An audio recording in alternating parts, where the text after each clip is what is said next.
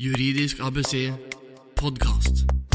Hei og velkommen til Juridisk ABC, podkasten der vi tar opp eh, juridiske spørsmål som eh, de fleste av oss kommer borti i løpet av et liv.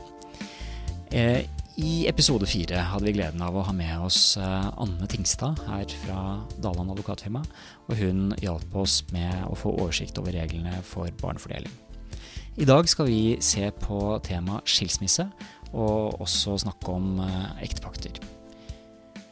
I 2013 så ble det inngått 23 410 ekteskap i Norge, mens 9736 par skilte seg. 4681 ektepakter ble sendt inn til ektepaktregisteret. Og det var nok eh, fornuftig av de eh, 4681 parene som gjorde det. Vi skal snakke om formuesforholdene eh, som gjelder mellom ektefeller. Vi skal snakke om hvordan man unngår å få eh, store krangler og opprivende kanskje rettslige tvister etter en skilsmisse. Men før jeg kommer så langt, så vil jeg bare komme med et par korte kommentarer i forhold til eh, podkasten og det som har skjedd siden den ble lansert. Eh, og det jeg kort eh, vil gjøre, er å si tusen, tusen takk. Takk til eh, dere som lytter, og dere som gir tilbakemeldinger til meg på denne podkasten. Det begynte som et uh, lite prøveprosjekt og litt uh, for, å, ja, for, å, utforske dette formatet, da jeg i uh, juni lanserte de første episodene av Juridisk ABC podkast. Og jeg må innrømme at jeg var veldig usikker på hvilken tilbakemelding som ville komme, om noen. Og så ser vi da at noen måneder senere så er det mange som har tatt kontakt og kommet med tips til temaer og eh, kommet med nesten altså utelukkende ros, noe som jo selvfølgelig også er veldig hyggelig. Eh, og det er også mange som har lagt inn anmeldelser på iTunes. Det er uh, to ting jeg gjerne vil be deg om hvis du er blant de som syns at uh, podkasten er bra. Det ene er da å gi oss anmeldelse på iTunes. Det gjør at vi blir synlige på, på, iTunes i katalogene der, og får flere lyttere og gjør at det er grunnlag for å fortsette med denne publiseringen. Um, og så er det veldig hyggelig og inspirerende selvfølgelig for uh, meg og de som jobber med å lage podkasten.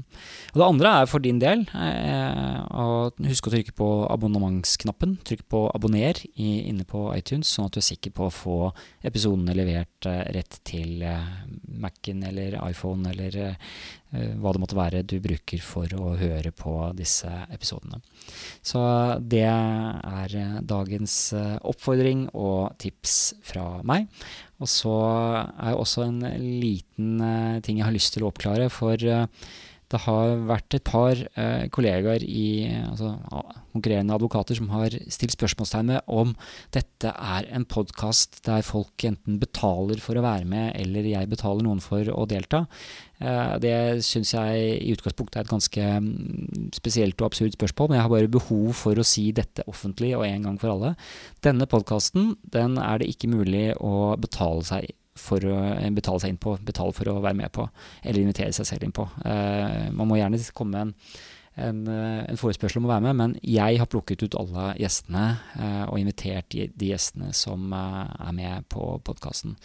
Uh, og videre så er det selvfølgelig sånn at jeg ikke gir noe eller betaler noe til de som er med. Det må være helt frivillig å være med på, på denne serien. Så dette er et uh, type dugnadsprosjekt, og det er en måte å hjelpe mange på en gang på. Uh, vi bruker litt av vår tid og, og bruker litt penger på å publisere podkasten, men uh, se på det som uh, noe som har Jeg syns i hvert fall dette er spennende å jobbe med, og det er morsomt med tilbakemeldinger. Så, uh, så dette er vårt lille bidrag for å spre kunnskap om juss, og jeg håper du setter pris på det, og du skal vite at dette er ikke noe kommersielt produkt som sådan. Så nok om det, og nok om podkasten. Nå skal vi kaste oss over dagens tema. Vi skal altså snakke om ektefellers formuesforhold. Og eh, vi har da med oss eh, Anne Tingstad her igjen. Så velkommen hit, eh, og velkommen tilbake, Anne. Takk. Og velkommen tilbake. Og vi vet, de fleste av oss, at det er noe som heter felleseie, og noe som heter særeie når det kommer til ekteskap. Og så er det enkelte som tror at felleseie det er det samme som sameie, Mm. og at uh, særeie er det samme som eneie. Mm. Mange begrep her. Uh, men så enkelt er det kanskje ikke. Nei, det er ikke så enkelt, og det er, det er kanskje i og for seg ikke så vanskelig heller. Men um, jeg har bare lyst til å kommentere det du sa helt først innledningsvis. Eh, dette her litt med et behov for en ektepakt. Eh, for i en ektepakt så prøver man jo å, å unngå disse konfliktene som vi ser i, eh, i bruddfasene. Ehm, og, og en ektepakt, den regulerer jo eh, disse temaene som heter felleseie og særeie og skjevdeling. Ja. Eh, før man er gift, så, blir, så, så kaller man dette for eneeie og sameie. Men når man gifter seg, så, så har også det en økonomisk side. Da blir det enten et felleseie eller et særeie eller, et, eller en skjevdeling. Um, når man er gift, så har man også et sameie eller et eneeie. Så det er, det er egentlig greit å, å holde tunga litt rett i munnen, og kanskje ikke bruke for mye tid på å komplisere det. Men i det øyeblikket man inngår et ekteskap, så kan man godt si at man kan være både eneeiere og sameiere. For i utgangspunktet så er det jo sånn at hver part i et ekteskap eier sine ting. Man eier lønnen sin, man kan ikke bruke den andres penger uten samtykke, man kan ikke stifte gjeld på vegne av den andre. Eh, og man kan også ha et sameie ved at man eier ting sammen i fellesskap. Akkurat som selv om man er gift, så kan man ha et sameie med en annen person. Så for å gjøre det litt enkelt, da, hvis man tenker, bruker lommeboken som et bilde, så Ja. har hver av ektefellene har sin lommebok Ja. og tjener sine egne penger. Ja. Og så kan man kanskje ha en felleskasse hvor man kjøper ting fra, og, og som da blir samme ting til huset, møbler Ja. kanskje, og den type ting. Og dette med eneie og, og sameie kommer jo også kanskje særlig inn ved det som vi kaller kreditorpågang. Altså hvis en, en du skylder penger til, gjerne vil ha pengene sine, og man kanskje ikke har de pengene, så er det sånn at kreditor, kreditor kan bare gå på den personen som eier noe, også i et ekteskap. Vedkommende kan ikke gå på kona di hvis Altså selv om man er gift. Ja, man må på en måte rydde opp i hvem som eier hva. Med mindre man da er sameiere og har stiftet gjelden sammen. Selvfølgelig. Så det vi pleier å, å tenke, vi som jobber litt med dette, det er jo at idet man gifter seg, så, så setter man på en måte en rød strek. Og så er det jo sånn da at med mindre man avtaler noe da, så er det sånn at det man da erverver mens man er gift, det er i utgangspunktet et felleseie. Og i utgangspunktet, hvis man da blir skilt, så deler man det likt. Det er et utgangspunkt. eh, hvis man ikke har noen ektepakt eller noen avtale, så har man også da muligens et krav på skjevdeling. Og skjevdeling, helt kort, det er Skjevdeling er jo det det tvistes mest om, for å si det sånn. Um, skjevdeling er de tingene, eller pengene, eh, du hadde før du giftet deg. De skal du ha med deg ut igjen hvis du skiller deg. Eh, eller ting du får mens du er gift, i gave fra andre enn ektefellen, eller arver. Så en liste av ganske ulike verdier og, Ja. og eiendeler. Det klassiske er at f.eks.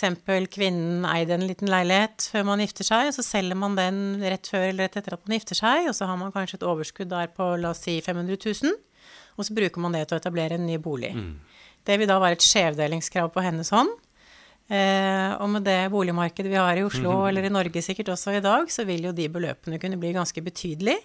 For det er da ikke et gitt beløp, det er et beløp som følger prisstigningen på boligen.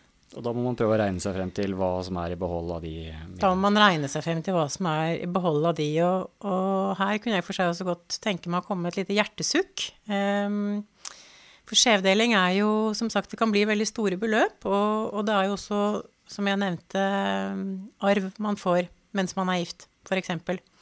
Og det man, eller i hvert fall jeg opplever å se veldig mye, det er at kvinner som f.eks. får en gave på 70 000 kroner, eller en arv på 70 000 kroner, 50 000-70 000 kroner kanskje, eh, har lett for å bruke disse pengene på å betale regninger, på å kjøpe klær til barna, på en liten feriereise osv.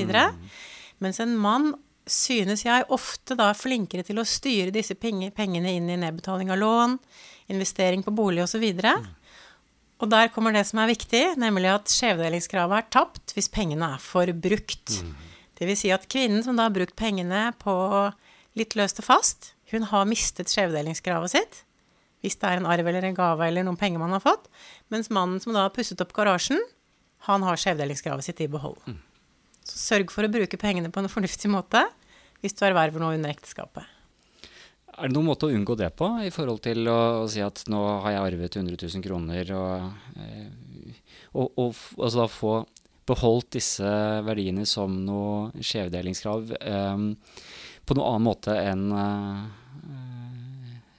enn enn ved en ektepakt eventuelt? Da, Ja. eller, eh, altså, uh... Det er jo å holde tunga litt rett i munnen, da. Hvis man f.eks. arver 100 000 kroner fra en tante, f.eks., så, så er det for det første sånn at hvis det da blir en skilsmisse, så er det jo den som krever skjevdeling, som, eh, som har bevisbyrden for skjevdelingskravet. Eh, og det da kunne hoste opp en bankutskrift eller en kvittering eller et eller annet på hva disse pengene er brukt til, vil jo som regel være tilstrekkelig. Men så kan man selvfølgelig også skrive noe inn i en ektepakt. Og der er vi vel egentlig tilbake til kjernen. det er vi. Ved å skrive en ektepakt, så, så altså, Advokatforeningen hadde en kampanje for mange år siden hvor det står 'fordi jeg elsker deg, så planlegger jeg skilsmissen min nå'. Og det å, å rydde opp i disse tingene mens man har en ålreit tone, er jo veldig fornuftig. Juridisk ABC podkast. Ektepakt er jo et ord som eh, alle har et forhold til. Man vet jo litt om hva det er. Men, men eh, kan du si litt mer om det? Det er jo egentlig en form for avtale som følger visse kriterier, er det ikke det? Jo, det er en avtale mellom ektefellene eh, om formuesforhold, rett og slett. Um, og det er jo faktisk også en del som kommer og ønsker en ektepakt som i og for seg bare ber oss om å skrive en ektepakt som, som følger loven. Eh, men en ektepakt er en avtale om hva som skal skje hvis du blir skilt, for å si det rett ut. Og selv om man da f.eks. kommer hit og sier vi ønsker felleseie og skjevdeling, så følger jo det av loven. Ja. Men da har man på en måte et lite, et lite sånn felt i den ektepakten, hvor man da kan presisere litt grann hva det egentlig er man ønsker. En ektepakt er et, eh, er et ferdig formular. Du kan hente det ned fra nettet. Eh, Det er litt kløn- klønete å fylle ut. Så det kan være greit å enten søke litt råd eller få noe innspill på hvordan man skal gjøre det, for det er veldig dumt å fylle det ut feil. For da kan den bli ugyldig, kanskje? Eller i hvert Det fall kan være ugyldig, og så kan det det- misforstås Ja. senere. For dette er jo et dokument som vil bli lagt til grunn ved en senere uenighet. Eh, og så er det sånn at eh, en ektepakt må bevitnes. Eh, og den skal i utgangspunktet også få rettsvern ved tinglysning. Nå er det sånn at Hvis du har en ektepakt som ikke er tinglyst, så har den i utgangspunktet gyldighet mellom ektefellene.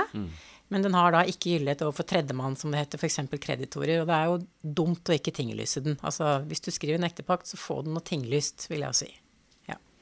Det er vel også sånn at en uh, tinglyst ektepakt, da, da, for å få vern overfor kreditorene, så ligger det jo i det at den også blir offentlig. Så det er vel noe man Ja. bør være oppmerksom på. At da kan den gjenfinnes i ektepaktsregisteret. Ja, og så er det jo også sånn at når man sender inn disse ektepaktene til tinglysning, så blir det jo kvalitetssjekket. Ja. For hvis du da fylte ut litt feil, så får du de i retur, som regel. Man skal ikke ta det for gitt, men de vil jo kvalitetssikre dem også.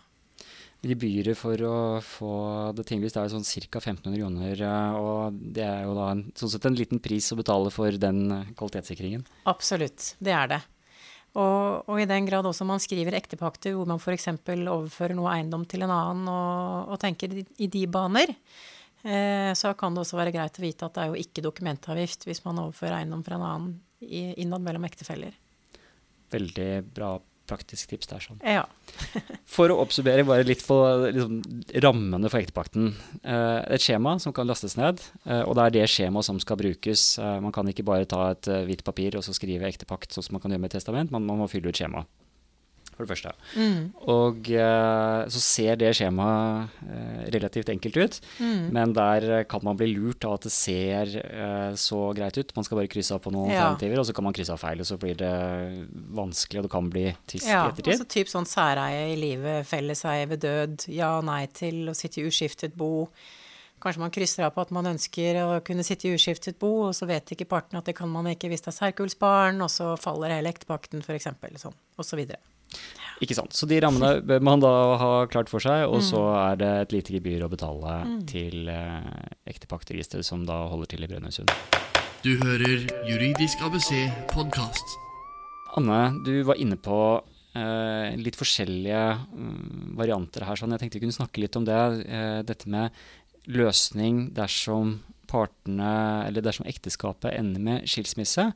Alternativt er det vel en del som ønsker en annen løsning dersom det er den ene ektefellen som dør, som er av bakgrunnen til at ekteskapet avsluttes. Det er jo veldig forskjellige situasjoner. Absolutt. Og det er jo da slik at uh, ektepakten kan også da regulere uh, disse alternativene. Kan du si litt mer om det? Ja, så En ektepakt regulerer jo formuesforhold mellom, mellom ektefeller, og vil jo også påvirke hva som skal skje, ikke hvis, men når en av ektefellene dør. Eh, og det må man tenke på når man skriver en ektepakt. Eh, og det var jo noe av det jeg nevnte også, dette med å sitte i uskiftet bo. Nettopp. Som jo vil si at den ene ektefellen slipper å skifte før begge har falt fra. Så man får f.eks. beholde bolige. Eh, og jeg vil vel si at i nesten alle de tilfellene hvor jeg skriver både samboerkontrakter og ektepakter, så råder jeg jo klienten også til å skrive testament. Mm. Sånn at man får gjort en sånn helhetlig jobb for av og til så kan det være litt annerledes hvordan man tenker ved skilsmisse og ved død. Definitivt. Eh, absolutt. Så, så, det da å på en måte gjøre hele opprydningsjobben i ett, eh, tenker nok jeg er en god løsning. Og det som er med testamenter, er jo at eh, de kan jo endres enda enklere. Um, vårt kontor, og jeg regner med at veldig mange andre kontor også praktiserer jo at vi ønsker å deponere testamenter hos byfogden. Mm. Og der er det et gebyr som jeg mener er omtrent halvparten av det som gjelder for mm. tinglysning av ektepakter. Og jeg sier som regel til klienter at husk nå på å endre testamentet ditt innimellom hvis du tenker at det er Altså det er bare å skrive en setning til. Det kan være fjerne en setning, legge på en linje. Hvis formuesforholdet f.eks. For forandrer seg, og så kan man sende inn det på nytt til byfogden. Og dermed vet man jo også at det blir mindre bråk etter at man har falt fra. Kanskje du sparer slektningene dine for lange og vanskelige tvister om arv. Mm. Ja. Og eh, det er da altså ikke slik at uh, ektepakten løser alle, uh, alle situasjoner. Uh, det erstatter ikke testamentet. Så skal man være på den, virkelig på den sikre siden, også da ivareta arvinger, så, så, må man ha begge dokumentene på plass. Ja, absolutt. En ektepakt ivaretar jo ikke arvinger. Overhodet. Den regulerer en skilsmisse primært. Ja, primært. Um, hva er det du har vært inne på litt i forhold til dette med skjevdeling? Uh, og uh, hvilke andre typiske konflikter er det vi ser uh, knyttet til ektepakter og, og Ektefelleskifter. Ikke sant? Jeg vil vel si at uh, altså skjevdeling er, uh, er, veldig klassisk, men utover det så er det nok også mye um, Eierbøker bruker vi som regel ikke så mye tid på, opplever jeg. Heller ikke løsøre og, og sånne mindre ting. Men verdifastsettelse bruker vi mye tid på. Mm. Det å bli enige om hva en ting er verdt. Um, og det er selvfølgelig veldig vanskelig å, å skrive i en ektepakt. Men det går selvfølgelig an å skrive en sekundæravtale eh, hvor det står at, altså hvordan man skal bli enige om verdifastsettelse ved et eventuelt brudd. Så man har, kan bruke det Man kan godt ta dokumenter ved siden av som kan brukes som tolkningsfaktorer, da, som mm. kan komme inn og hjelpe en i ettertid med å, ja. å, dokumentere hva som var ment med ektepakten. Ja, for jeg ser i alle fall at veldig mange saker uh, treneres veldig ved at man ikke klarer å bli enige om verdi, altså takst, som det heter. da. Hun innhenter en takst på så og så mange millioner. Han som skal overta, får en takst på to millioner mindre. Og så er man ikke enig, og så skrives det brev, og så bruker man mye penger på advokat. Mm. Fremfor at man kanskje har tenkt litt gjennom dette mens man er venner, da. Mm. Ja. Snakk om store beløp, og det kan være store beløp å spare på og, være litt eh, forutseende. Absolutt. Vi pleier jo å stille spørsmål om uh, man har noen gode tips, om det er noen spesielle fallgruver. Men her er jo egentlig uh, tipset å skrive ektepakt, og, og, fallgruven er å ikke gjøre det. Men er det noe annet du tenker på som, som du erfaringsmessig råder klientene til når det gjelder disse spørsmålene? Du har kommet med flere gode tips. Ja, sånn, tipset er selvfølgelig å ja, skrive ektepakt. Skrive eventuelt et tilleggsdokument hvis det er noe man vil ha skrive en, et testamente, enten et eget hver for seg eller et gjensidig testamente. Og hvis man er ekstra flink, eh, tenke litt gjennom innimellom hva som står i disse dokumentene, om de bør revideres. Mm. Kanskje få råd i forhold til hvordan det skal fylles ut, og hva som er fornuftig. Og så har jeg altså Der er man sikkert litt forskjellig hva man ser, men når man er eh, fremdeles eh, glad i hverandre og, og, setter opp disse avtalene, så, så prøv å bruke hodet. altså Skriv noe som er fornuftig. Eh, tenk litt gjennom hvordan du virkelig vil ha det. Mm. Ikke vær for snill, og ikke vær for kjip. Prøv å lage en fornuftig avtale, så kan det hende at man klarer å løse det på en god måte hvis det blir et brudd, og ved død. Dette er Juridisk ABC podkast med advokat Eivind Arntzen. Anne, du har kommet med veldig mange gode råd og gitt oss et overblikk i forhold til eh, ektepaktene. Um, det er jo også noe som vi forstår at du jobber med og bistår uh, folk med. Er, det dyrt å gå til advokat og få satt opp en ektepakt? Nei, jeg syns ikke det. Uh, her shoppes det nok mye advokater tror jeg, når det gjelder det med pris på, på en sånn pakke. Og jeg vet ikke egentlig hva markedet tilbyr, men Eh, et par tusen kroner kanskje for en sånn, altså det å få satt opp et, eh, et, dokument. Og det er klart, hvis det blir fryktelig mye rådgivning og, og vurderinger, hvordan man skal klare å løse, løse, det hvis man har særkullsbarn under 18 og ønsker et ursøk, så kan det bli mer. Men en sånn eh, eh halvtimes møte for å klarlegge hva som skal inn i dokumentene, fylle ut en ekkepakt på en riktig måte, Eh, skrive et eh, ryddig og, og, fornuftig testamente og eventuelt et tillitsdokument. Det er et par tusen kroner, og det er vel investerte penger. Det er veldig mye å spare på å mm. eh, ta den kostnaden, ja. og, og, også ha sikkerhet og forutsigbarhet, ja. og unngå konflikter senere. Absolutt.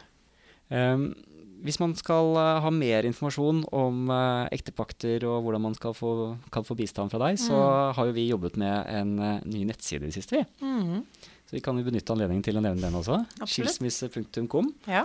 Uh, og der uh, har eh, du og de andre advokatene her sånn, skrevet mange artikler om økonomiske forhold og barn og barnefordeling og alt som har med både ekteskap og skilsmisse å gjøre. Absolutt. Og hvis det er noen som vil ha direkte kontakt med deg i forbindelse med noen av disse spørsmålene, så kan du kanskje også si hvordan vi kan få kontakt med deg? Da er det bare å kontakte advokatfirmaet Daland Eventuelt sende en mail til tingstad.daland.no. Så svarer jeg. Veldig bra. Mm. Takk for at du ville være med i dag også. Takk skal du ha. Juridisk ABC podkast. Det var dagens podkast, og jeg håper du fikk litt bedre oversikt over reglene som gjelder for de økonomiske forholdene mellom ektefeller. Og for avslutningsvis å oppsummere det viktigste, for her var det mange detaljer. Men altså, Felleseie er ikke det samme som sameie. Felleseie er den formuen som skal deles mellom ektefellene når ekteskapet opphører ved skilsmisse eller separasjon eller død. Ekteskapet medfører ingen endringer med hensyn til hva ektefellene eier. Altså et formuesobjekt, som for eksempel en hus eller bil, båt, aksjer eller andre verdifulle gjenstander, kunst eller hva det måtte være, kan eies fullt ut av den ene ektefellen og likevel være felleseie i forbindelse med skifte ved skilsmisse. Så den kan eies av den ene ektefellen, men likevel være en del av det som skal deles. Så man ikke sameiere, eh, selv om man snakker om da felleseie. Det er et uh, en litt sånn begrepsmessig problem der, men uh, det er viktig å holde tungen rett i munnen. Og Felleseie det er altså lovens hovedregel, eller du kan kalle det standardordning, uh, som gjelder for alle ekteskap, med mindre det er inngått noe spesiell avtale om noe annet. Og det er jo da slik at hvis ektefellene ikke ønsker standardordningen med felleseie, så må det settes opp en ektepakt om særeie. Og som vi har lært i dag, en ektepakt det er ikke så veldig mystisk. Og det er i prinsippet snakk om en avtale mellom ektefellene, men så har den avtalen eh, visse spesielle karakteristika, eh, og den må fylle visse formelle krav. For det første så må ektepakten den må inngås på et eget skjema. Og det er ikke så veldig mystisk. Det skjemaet det skal du få en lenke til. Eh, hvis du går inn på juridiskabc.no og finner denne episoden, så legger vi en lenke til der hvor du kan få tak i dette skjemaet. Det er gratis, og det er ikke noe problem å laste ned på datamaskinen.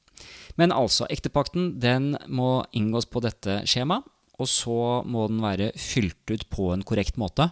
Uh, og har man relativt enkle formuesforhold, så kan man nok gjøre det selv. Hvis ikke så må man få litt hjelp av en uh, advokat eller annen rådgiver til å gjøre det. Men det er snakk om et relativt enkelt skjema, som man bare må holde tungen rett i munnen og vite hvordan man skal krysse av, så går det også helt greit. Så må ektepakten være bevitnet Ikke noe stort uh, hokus pokus det heller. Gjør du det på et advokatkontor, så ordnes det der og da med uh, noen ansatte på kontoret.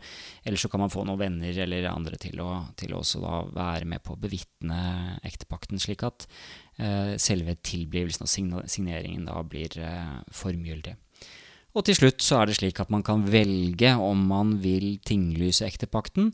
Da får man også vern mot kreditorer. Så hvis f.eks. den ene av ektefellene er selvstendig næringsdrivende og har en viss risiko knyttet til det, spesielt hvis man da driver enkeltpersonforetak, og vi har hatt en egen podkast om valg av selskapsform og advart mot enkeltpersonforetak bl.a., men, men dog. Eh, I den type tilfeller så kan det jo være en fordel å sørge for å få et kreditorvern også. Man vet aldri hva fremtiden kan bringe. Så er vi også da inne på spørsmålet om skjevdeling. Og noen tenker at skjevdeling kanskje kan erstatte eh, det å opprette en ektepakt.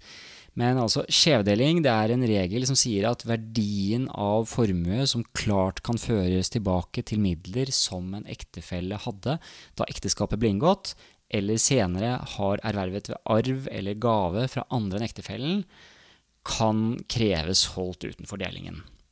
Men det er, som vi var litt inne på i dag, det er ikke en helt uproblematisk regel. Og selv om skjevdelingsregelen har likhetstrekk med særeie med, eh, gjennom da en ektepakt, så er det ikke noen fullgod erstatning. Så advokatens råd, og vårt råd her i dag, er å sørge for å gjøre den lille jobben med å få på plass en formgyldig og vel gjennomtenkt ektepakt, for da er man maksimalt sikret.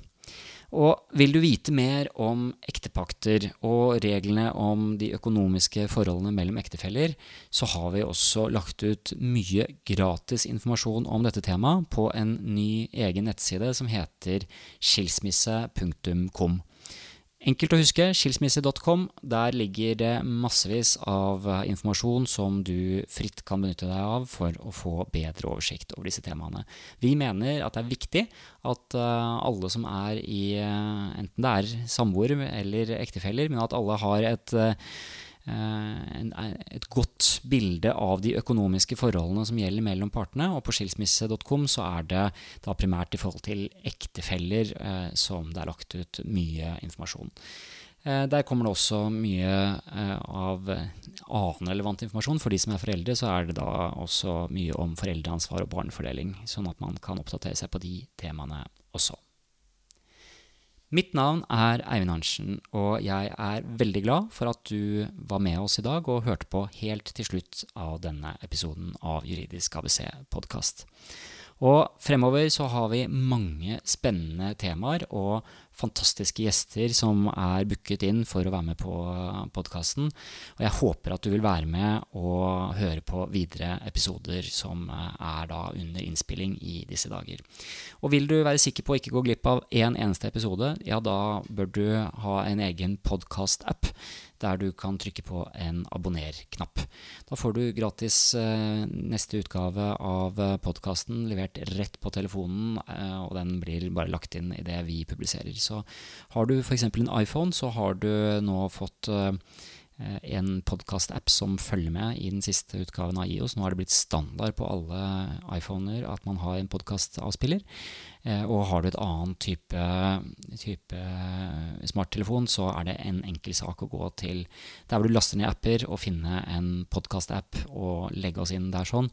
Trykk på abonner, så er du sikret å få alle episodene. Og til neste gang så håper jeg du er flink til å passe på dine rettigheter og holde deg orientert om uh, jussen som er relevant for deg. Gå inn på juridiskabc.no, så finner du massevis av informasjon. Det er over 100 artikler om alle mulige former for juridiske problemstillinger som angår de fleste av oss. Og så skal vi jobbe videre her med å lage en best mulig podkast for deg. Takk for i dag. Du har hørt Juridisk ABC podkast. For mer informasjon om dagens tema, se juridiskabc.no. Her finner du flere podkaster og artikler innen arbeidsrett, eiendomsrett, familierett og temaer for deg som driver egen virksomhet. Meld deg på vårt nyhetsbrev på juridiskabc.no.